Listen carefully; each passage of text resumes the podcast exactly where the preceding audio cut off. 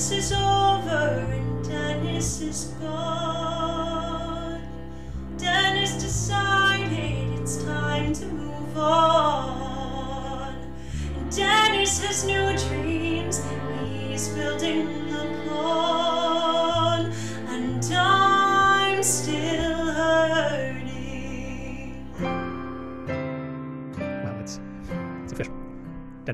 still not come to his senses and return to the program, cutting his honeymoon short from wherever it is in the world that he and Carolyn are having the time of their lives.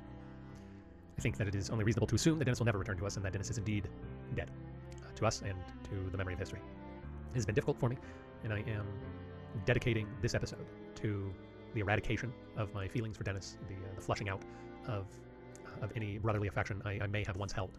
For in the face of his vicious betrayal of this fine program that you're listening to, I think it is only right to salt the earth on which he stood and to destroy him indiscriminately. well, without that out of the way, we have a wonderful episode planned for you as we steal the good parts of Dennis and replace them with whatever it is we want. We will be talking to Dennis's parents later on in the program on the, the various traits and, and quirks that make up one Dennis Budde, uh, specifically the weaknesses and the foibles, so that we may exploit them later on if we should ever meet him on a battlefield.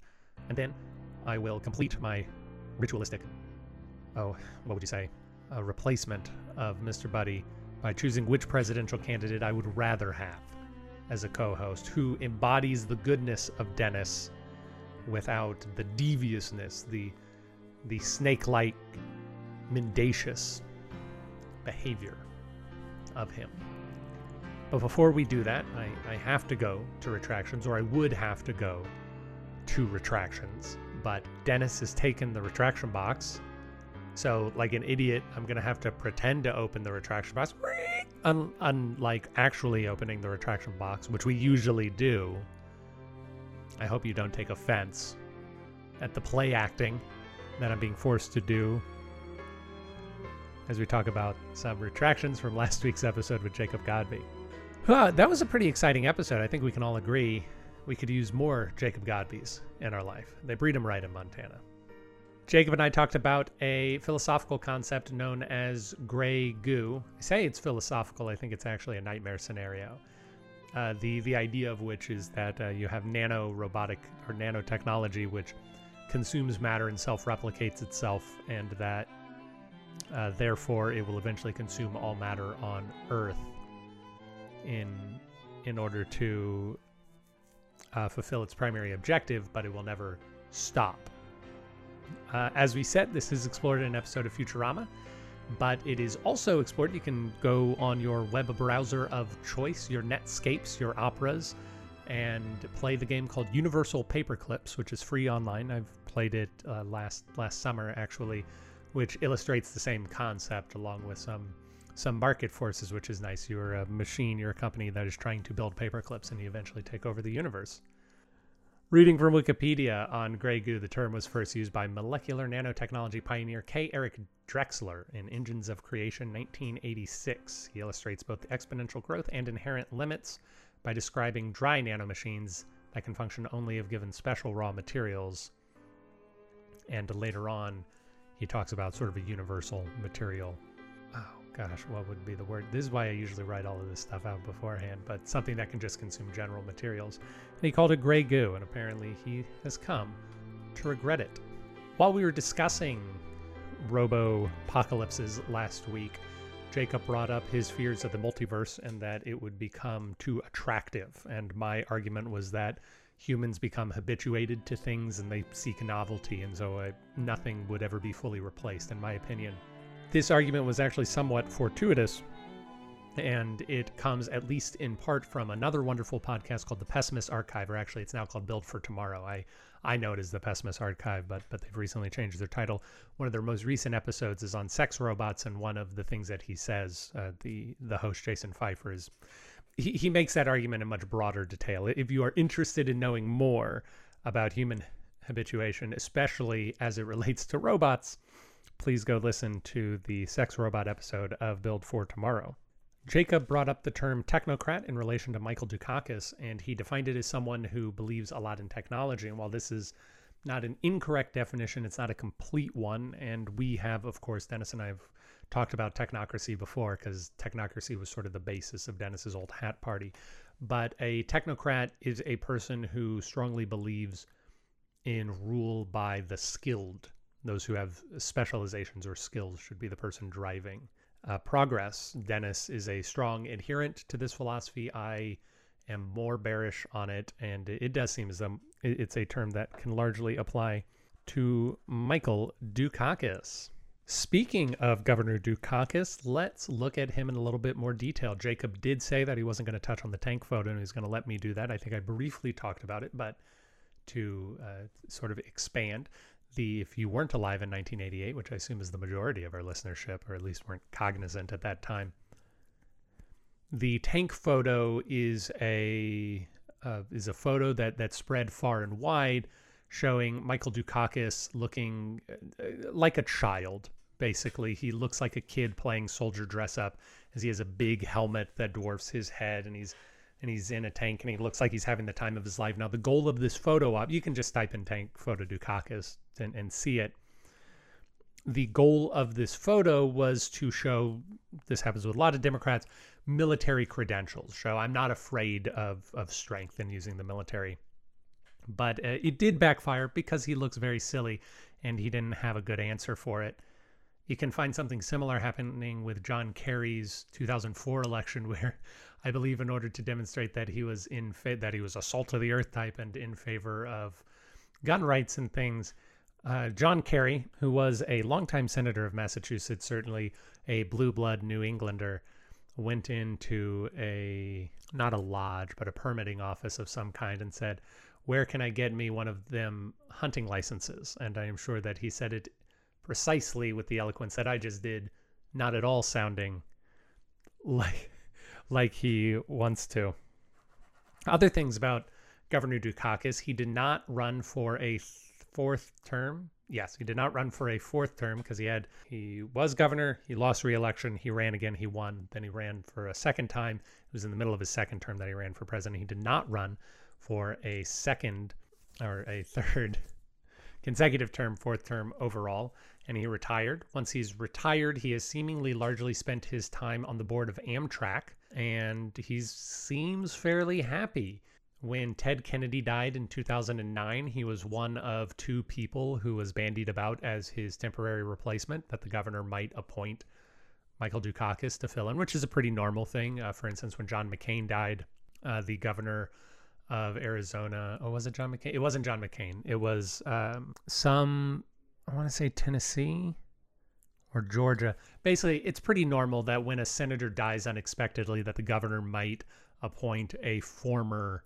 senator to that position of a former sort of high ranking official that the public can say this person will be a good steward of the of the position for the 3 to 15 months before we can have an election. Michael Dukakis was considered for that role when Ted Kennedy died. He did not ultimately get it. And then in the full election, 2012, he campaigned vigorously for Elizabeth Warren. He's also unsurprisingly endorsed Elizabeth Warren during her presidential run last year. Other than that, Michael Dukakis seems to be keeping relatively low profile. Good for him. We, of course, started a new segment last week calling How Did Michael Dukakis Run a Modern Campaign? Not Michael Dukakis specifically, but any of the people. We're going to do a hopefully rare twofer because Michael Dukakis and Winfield Scott both ran modern campaigns in that they heavily ignored the attack ads against them and fail to distinguish themselves from their much more popular and or charismatic competition.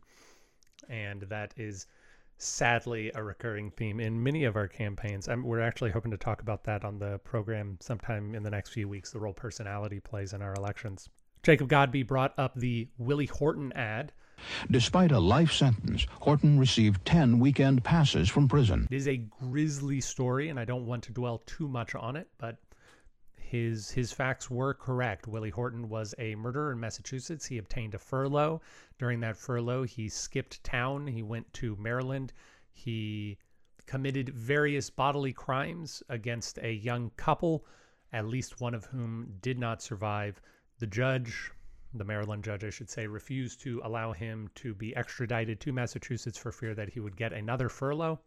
And this entire incident was used against Michael Dukakis not only by Bush with the Willie Horton 1988 attack ad, but also by Al Gore during the Democratic primaries that perhaps Michael Dukakis is too weak on crime without spending too much time on this. Uh, I certainly do not believe that a gap in the perfect security of a system designed for clemency should invalidate the entire system. I do think that by and large the furlough system was a good one. I think that our justice system should focus more on rehabilitation than recrimination. And it seems as though everybody in this situation very much wanted to point fingers at blame. And and I'm not a big fan of that, but but that is where we live sometimes. Let's do some further research on the man Winfield Scott. I did talk at length about Winfield Scott, and I think I got a lot of the big picture items in there. One thing that I glossed over, silly me, is that Mr. Scott or General Scott was instrumental during the Trail of Tears. He helped design, might be a somewhat crass word, but he did what well, was one of the architects of the, the actual forced march out. And so he bears some responsibility for that. He was not a general during that time, as far as I'm aware, because that would have been during the presidency of Andrew Jackson. And he did not become commander of the army until James Polk, I want to say. It was probably, no, it was, uh, it was Tyler. He became head of the army with Tyler. So he wasn't quite head of the army, but he was a, a person who was in charge of that. And we should know that about him. Another thing I wanted to talk about is the business of war back then, because being a soldier is interesting. One of the things that was a change, I think it was a change. I'll have to double check this. Hold on, give me a moment. Okay, I'm back. I hope I didn't take too long. So America didn't used to have a standing army. Right now we do. Technically, we're at uh, we're involved in a lot of wars, but but we're not always involved in a lot of wars. But we do always maintain an army with army bases and things like that. That was not always the case and it wasn't the case for a lot of countries throughout history, depending on the economic system at the time. With feudalism, of course, you maintained a standing army, but a lot of times you would raise an army in order to use it for a particular purpose, and then you would disband the army when when the military action was complete. I, I believe I've heard, I have not confirmed, that this is how a lot of Native American uh, war tribes happened is someone would say we need we need to build a military force. We need to attack this thing. Usually another tribe they would do that. They accomplish their goal. They would disband. Uh, around 1792 it looks like during george washington's presidency is when we created a standing army but it was still relatively small and it wasn't until the war of 1812 that we really began to expand that would have been when winfield scott did join the army that we began to expand our standing army to many more regiments and it was even longer before we maintained a standing navy because uh, a lot of the more conservative and a lot of the more uh, what we might call anti-interventionalist people said that we should not be taxing the people to spend money on a military because then we will use that military. They may or may not be right about that. Winfield Scott would have been around this time that the military wasn't entirely professionalized somewhat professionalized, but not entirely. So he goes, like I said, to Europe to study techniques. And a lot of Europe's militaries were interesting around this time because they were heavily mercenary. Uh, for instance, Napoleon, uh, the the French general, one of his main technologies that he was able to to exploit was that he could fight at night, and other armies could not fight at night, or he could move at night when other armies could not move at night. Why could other armies and other countries not move at night? They couldn't move at night because their men would quit. Um, or, or rather, a lot of their men were uh, conscripted. Uh, that was actually one of the precipitating things of the War of 1812 was that British soldiers would land on one of our ships and they would take Americans or presumed Americans and they would conscript them into the British Army and force them to fight for Britain. France's army was was paid through the government. They were neither mercenaries nor were they conscripted men. And so you could get them to work because other people, mercenaries and conscripted men, you had to guard during the night lest they run away. So that is just an interesting, I thought, interesting bit of military history. Jacob mentioned at some point last week the idea of robots fighting our wars for us. And that put me in mind of an old play called RUR, or Rossum's Universal Robots by Carl Čapek. This is actually the origin of the word robot. Uh, this is this is where we get it from, and it's a it's a play that I, I think is worth knowing. It's not a great play. It's a little it's a little stilted by modern standards, but the idea of it is that you have this company that makes robots, uh, humanoid robots, what we might actually call like cyborgs at this point in time. And one of the chief things that these robots do is they fight wars for countries. Uh, last week, I mentioned a one of HBO's first original programs. I could not remember the name at the time. It is the show Tanner 88, which chronicles the adventures of a senator. Senator? I think it's a senator. Uh, Jack Tanner of, oh, he's a representative, sorry, a representative Jack Tanner as he seeks the Democratic nomination. last night we were sitting around with um, Kirk O'Donnell and Hart, Biden, a couple of the other candidates. We were shooting the breeze about how much the party had changed since the 60s. And suddenly, out of the blue, Lexi turned to Hart and she asked him who his favorite Beatle was. At first, Hart laughed and then he stumbled around trying to remember a name. Then she repeated her question for Biden, and Biden said, well, he, he'd never been a Beatles fan. He was into jazz. And Dukakis answered Paul, because he liked his wife or something. It's interesting to know how frequently Biden was mentioned in that. The series was created by Garry Trudeau of Doonesbury fame, a very liberal, very liberal fellow. And finally, and this is a straight up retraction. We we haven't gotten a whole lot of just straight up retractions recently, but uh, I I referenced an act called the Flynn Act, which I said prohibited private American citizens from conducting diplomacy on behalf of the U.S. government. That is incorrect. It's very incorrect. It is called the Logan Act. Don't know why I thought it was the Flynn Act. Possibly because we were talking a lot about Flynn back in 2017. The act was passed in 1799 during Adams' presidency, and it was passed because uh, a man named Dr. George Logan was trying to conduct a peace treaty with France as a private citizen during the event that we call the Quasi War. And one of the big problems, besides the fact that a private citizen or semi private citizen was trying to conduct foreign business, was that his politics were Democratic Republican. He was aligned with Thomas Jefferson, whereas John Adams was the president at the time. So he was working across purposes.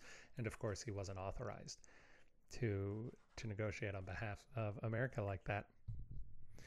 Those, I think, are all of the retractions that we have for this week. Presidential Deathmatch regrets the errors. And now we go to a conversation analyzing the whole of Dennis Budde with the people who know him best his parents, Al and Nancy Budde. Speak softly. Uh, well, I'm I'm happy to have y'all here. Uh, we are beginning our exploration of the coward Dennis Budde uh, with Nancy and Al Budde as parents, who listeners of the program will be very familiar with, since number one, most of the listeners are the buddies, and number two, they've been on the program before. How are y'all doing today? Very good. We're good. Excellent. Well, uh, I'm, as you know, uh, I'm here to turn you against your son, and I'm here to learn about his weaknesses. So I hope you will be amenable to that particular aim. Uh, but what we're trying to do is uh, build build a new Dennis uh, out of the scraps of history. We're going to figure out who in history fits Dennis the best. So I, I wanted to ask uh, just just to set the tone before we maybe get into some illustrative stories of Dennis. Uh, what would you say his his chief characteristics are? Talkative. yeah, he, he speaks a lot. Has he always he been that like way? way too much. Yes, he's always been that way. He Yeah. uh the first word he spoke was a sentence. Yeah, he uh he's always been that way. what uh, what was the sentence? Do you recall? Um, I actually do. There used to be a department store called Ames. No, that was when he was spelling. That was when he first started spelling. No, I don't recall his first one. It was probably um, asking for something, for, maybe from his brothers. That makes sense. He was definitely trying to catch up to uh, to the other guys. What's uh what's the age difference? I haven't spoken to them yet. I might, but Two how years, two years, two years, two years. So Yeah. Okay. yeah, four years between him and Ty, and two years between him and Craig. But Dennis um, had a very different growth profile than the other ones. Craig was like over six feet tall in seventh grade, and Dennis didn't start growing until he was like in tenth grade. Yeah. Okay. And so he always looked a lot younger than Craig, but really they're a little bit closer in age than he and Tyler. So he just had a very different kind of curve. Well, there you go. So Dennis is a talkative fellow. What what else would you say about him? Um, he always sees patterns and codes, and you know, he he walked out of church one time and said to the minister, "Did you know that my name spelled backwards is sinned?" And of course, we whisked him away as quickly as we could. But uh, yeah, he just has always seen patterns and uh, the way things fit together. And I would say that's a characteristic, definitely, of uh, of him. yeah. Wonderful. Now, I, I probably should have begun with this. Uh, how long would you say that you've known Dennis? Most Uh, of his life. Most of his life. Yeah. Okay. So certainly the vast majority of it. Yeah, I, I assume he has grown and changed as a human being over that time. He, he is different now than than he used to be. What are some of his uh, newer characteristics? Is there anything that you've discovered about your son over the last couple of years? Yeah, I would say his uh, willingness to try things. He, he has more confidence, I think.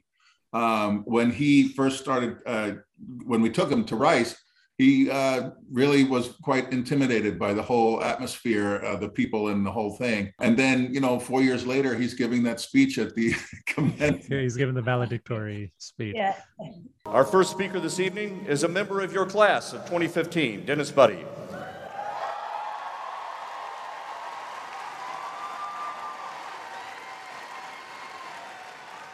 Fellow students, we made it. All right. Other than that, there's almost nothing that we all have in common.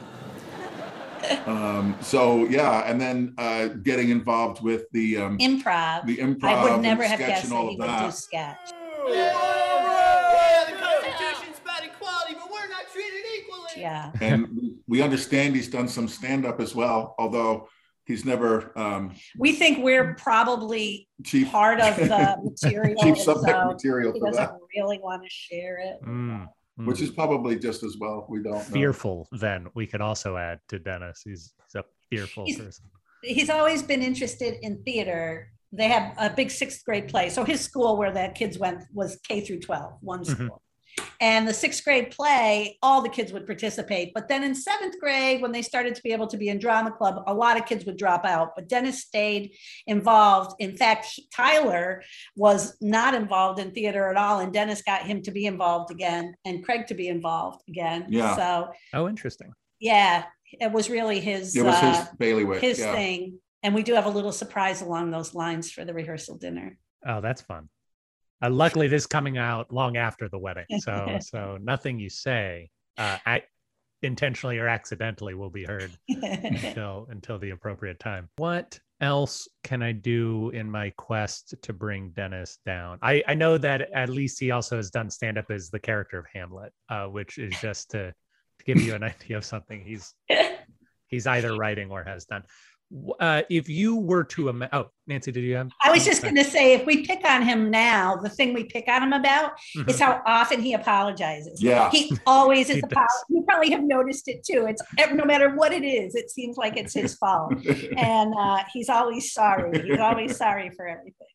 And um, we, you know, I don't know where that comes from, and probably some childhood trauma, but it's, uh, yeah, he's he's very uh, apologetic. yeah. He's very conscientious too, which I think is Yeah. the more virtuous side of that coin. I, I Well, we want to bring him down. That doesn't help. Yeah, Yeah. you're right. I'm glad I've gotten you on board Yeah. uh, uh, for for the mission. Uh, if you were to to imagine Dennis as a career politician, where do you think he would top out at? Like where where does he most naturally fit in the government structure? Mm, this is a great question. Hmm.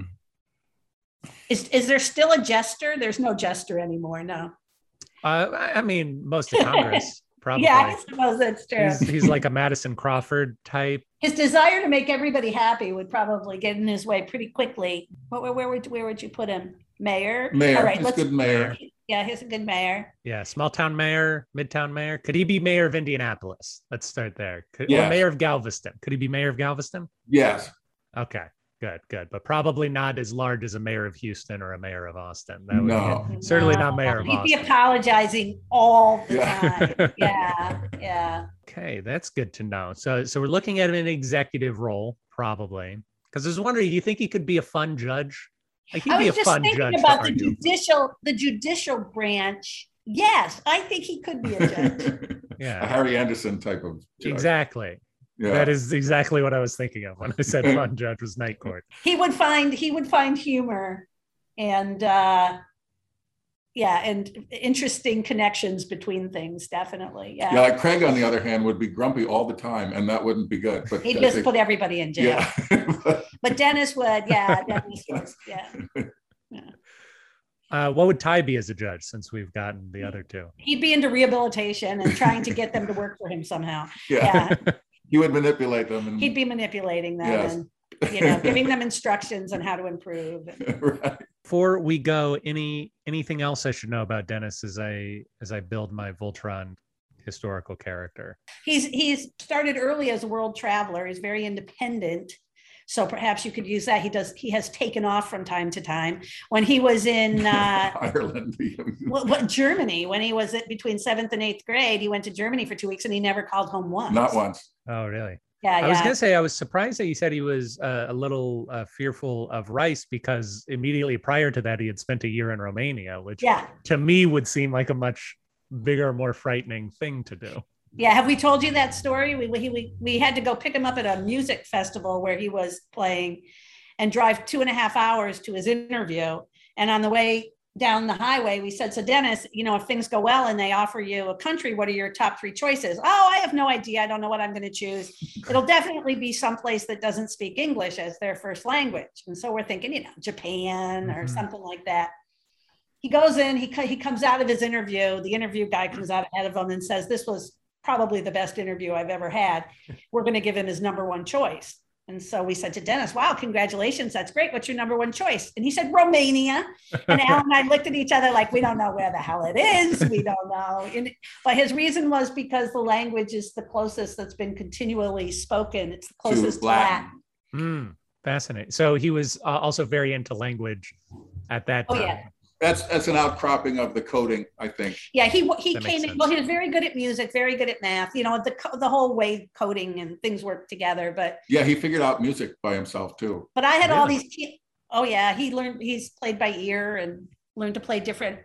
Well, the Um, keyboard instruments and- especially, I think, is a coding instrument of sorts. Yeah, yeah. And Aaron Butler didn't hurt any. Right, right. But uh, yeah, yeah, he definitely was very interested in that. But because I was a financial planner, I had a whole bookcase in my office of college planning books, and he would go through them some time. And I think he was maybe a sophomore in high school, and he told us that he had decided that linguistics was what he was going to study. And we were like, okay, what's linguistics? and then you see that it's only like the top tier schools that even have programs. And so yeah, he um, he was pretty zeroed in on that pretty early. Yeah. I remember we went to visit him in Romania. And now that I'm thinking about it, that could very well have been where he picked up the apologetic portion of his because uh, you talk to people even his host families and they were like why did he choose romania they feel very second cousin you know uh, over there to uh, the rest of europe Right. and they're like well sorry you know Hope you're having fun. Let's slaughter this pig for you